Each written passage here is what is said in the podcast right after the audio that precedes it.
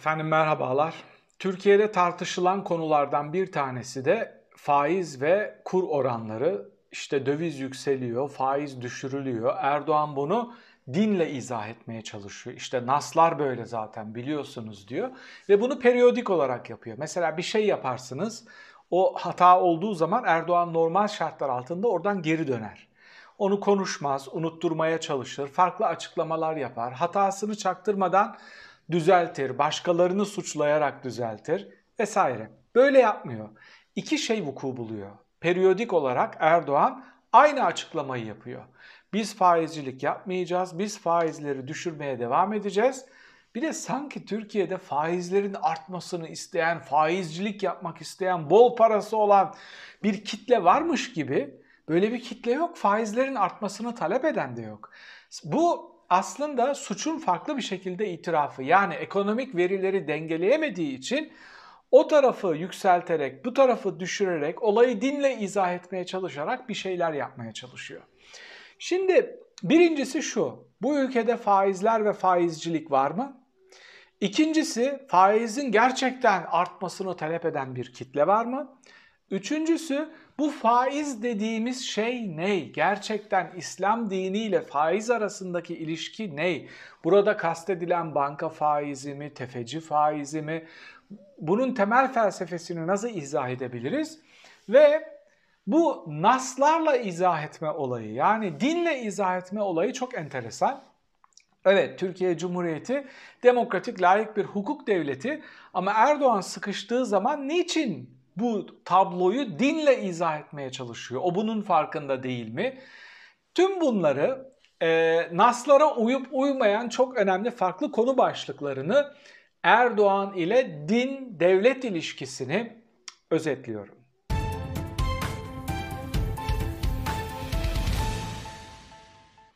İsterseniz çok kısa şöyle başlayalım. Faiz nedir, ne değildir?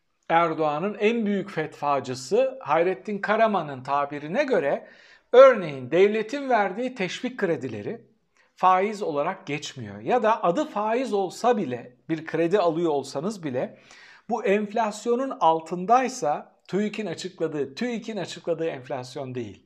Reel enflasyonun yıllık oranda altındaysa bu faiz olarak geçmiyor. Hatta reel enflasyon kadarsa da faiz olarak geçmiyor. Zira İslam hukukuna göre e, borç para aldığınız zaman, Türk lirası üzerinden borç para olarak aldığınız zaman enflasyon kaybını üstüne koyarak geriye ödemeniz gerekiyor. Bu faiz olmuyor.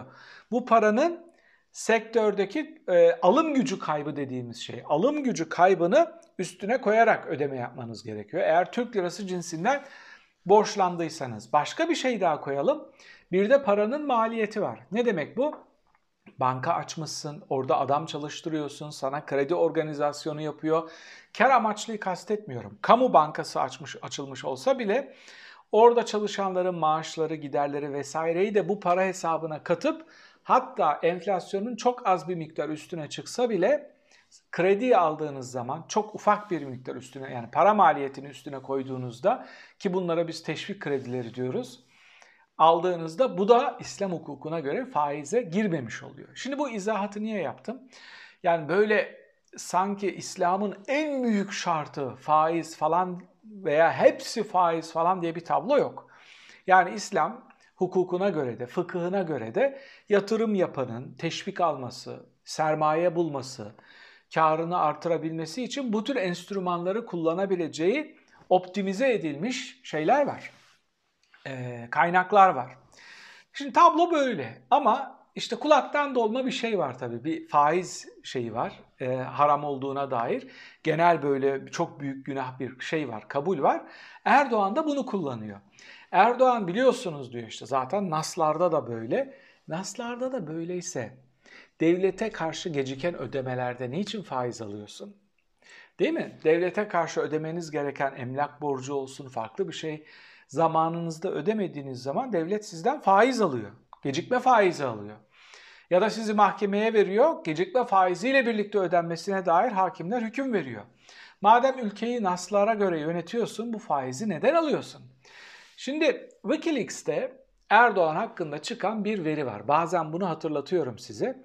Wikileaks'i hatırlamayanlar için altını çizelim. Bir yani tüm diplomatların yazışmaların toplandığı yerden bu dışarıya sız, sızdırılmış ve ülkelere göre tasnif edilmiş ve o ülkelerde diplomatların o devlet başkanları hakkında topladıkları veriler, gizli anlaşmalar vesaire internette yayınlanmıştı.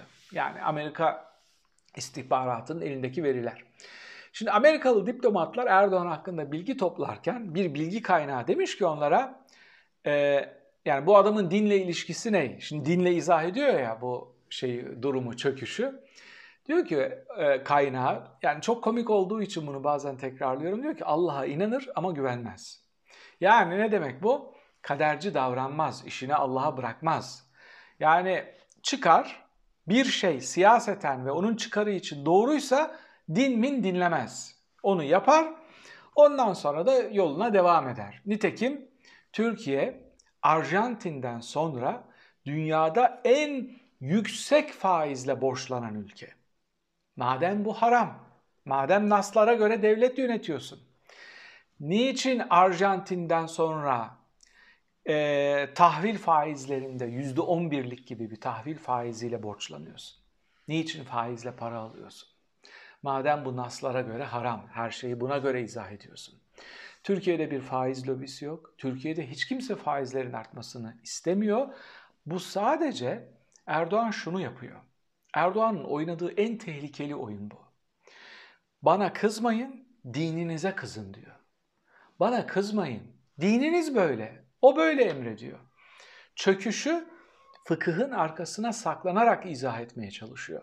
Çok dindarmış gibi, çok harama helale dikkat edermiş gibi, çok faize dikkat eder, işte onun haramı, faizin haram olduğu korkusuyla tir tir titriyormuş gibi. Evladının ilk aldığı gemileri izah ederken ne diyordu hatırlayın. O yıllar önce verdiği gemicik diye skandal olduğu, ağızlara sakız olduğu mülak mülakatta çok basit diyor. Uygun bir kredi bulursunuz. Kredi şartları da uygunsa alırsınız. Ticaret yaparsınız, satarsınız, sonra ödersiniz.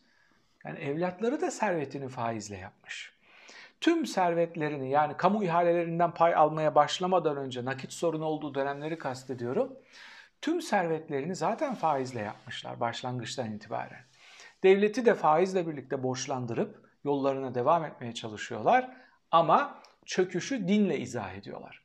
Peki madem öyle, madem öyle biz de Erdoğan'ın icraatlarını o zaman dinle izah edelim. Mesela ne dedi bu hafta? Çin modeliyle dedi kalkınacağız. Çin modeli ne?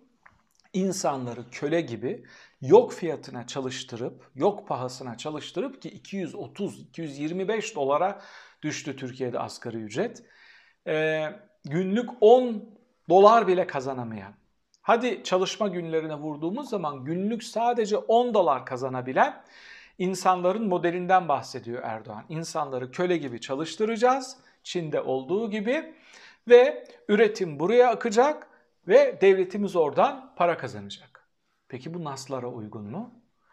Yani din işçinin hakkını alın teri kurumadın, kuramadan ödeyin ve hakkıyla ödeyin demiyor mu?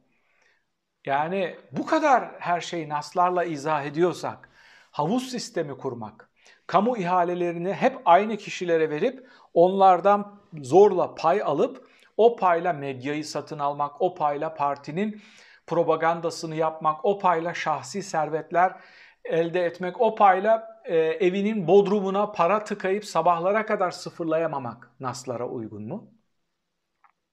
Yani çok naslara uyan bir adammış gibi konuşuyor Erdoğan. TÜİK'in sahte enflasyon açıklaması, emeklinin işçinin maaşından çalınması, onları 3 kuruşa muhtaç bırakması, ve denetlenemez demir kapıyla kapısını kapatıp muhalefeti içeri almaması naslara uygun mu?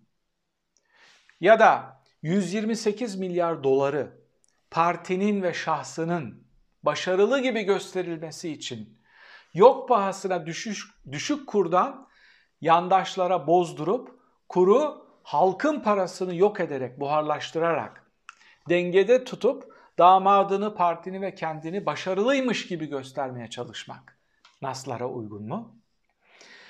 Halk açlık çekerken ülkenin dört bir yanına saraylar yaptırmak, saraylarda yaşamak, dev konvoylar, lüks araçlarla işte düzinelerce aracın gittiği konvoylar kurmak. Gittiği yerlere nakliye uçaklarıyla bu konvoyları taşımak kapasitesini bizden çok daha iyi bildiği için çıkıp insanların gözünün içine bakan, sarayda yaşayan, müthiş şatafatlı bir hayat yaşayan, müthiş servetlere sahip olan, Türkiye'de daha önce kamu kaynaklarıyla hiçbir dönemde zengin olunmadığı kadar bir sermaye birikimi oluşturan adamlar bunları söyledi. Bunları söyledikten daha önce de dedi ki şehitler tepesi hamdolsun boş kalmayacak. Kendi çocuklarını şafatafat içinde yaşatıp askere göndermeyip kamu kaynaklarıyla zengin olup insanların gözünün içine baka baka dini referansları kullanarak e, bu tür izahatlar yapabilen bir aktörle karşı karşıyayız. Çöküşün dinle izah edilmesi Erdoğan'ın oynadığı en tehlikeli oyunlardan bir tanesi. Bu toplumu bir arada tutan önemli değerlerden bir tanesi de din ya da dindi. Ama bu dönemde din o kadar kötüye kullanıldı, o kadar çirkin şeyleri, yanlışları, yolsuzlukları, organize suçları örtmek için kullanıldı ki kitleleri dini sorgulamaya başladı. Hatta ilk defa Erdoğan'a bazı cemaat ve tarikat, daha ziyade tarikat liderleri bu konuda tepki vermeye başladılar. Din ile izah etme, naslarla izah etme bu iflası diye. Neden? Çünkü sen yarın gidersin ama bizim tezgah dağılır. Yani bu dine güven hep kalmalı. Biz burada kurmuşuz, yolumuza bu şekilde devam etmeliyiz endişesiyle çıktılar. Yoksa böyle bir şeyleri olsaydı güzel günlerde de isyan ederlerdi. Hayrettin Karaman'ın çıkıp hırsız, yolsuzluk hırsızlık değildir dediğinde de o tarikatlar çıkar, isyan ederlerdi. Etmediler. Neden? O gün çöküşü görmüyorlardı. Bugün çöküşü görüyorlar. Erdoğan'ın sonunu gördükleri için çıkıp dinle izah etme dediler. Şimdi bu yorumda sizlere bu Erdoğan'ın naslarla izah etme e, ne kadar boş olduğunu, karşılıksız olduğunu, Türkiye'de bir faiz lobisi olmadığını, aslında kendisinin devleti hem de dünyanın en yüksek faiziyle borçlandıran ikinci devleti durumuna düşürdüğünü izah etmeye ve oynadığı çok tehlikeli bir oyundan yani dinin arkasına saklanarak çöküşün nedeni olarak dini göstermesi, dini değerleri göstermesi ve kendine değil dine kızılması gerektiğini izah etmeye çalıştım. Sorum şu, sarayda yaşayıp lüks araçlarla lüks bir hayat yaşayan ve çocuklarını yine lüks hayat yaşatan, onları askere göndermeyen bir adamın e, çıkıp biz ülkeyi bunlara teslim etmeyeceğiz yani böyle yaşayanlara teslim etmeyeceğiz demesini nasıl yorumluyorsunuz? Neye güvenerek Erdoğan bu kadar özgür ve pervasızca çıkıp kendi yaşadığı hayatı anlatıp başkalarını suçlayıp onlara bu ülkeyi emanet etmeyeceğiz deyip yine küçük emrah siyaseti, yine boynu bükük, yine mağdur siyaseti yapmaya çalışmasını nasıl izah ediyorsunuz? Yorum köşesinde bunu tartışalım. Bir sonraki videoda tekrar birlikte olmak üzere efendim. Hoşçakalın.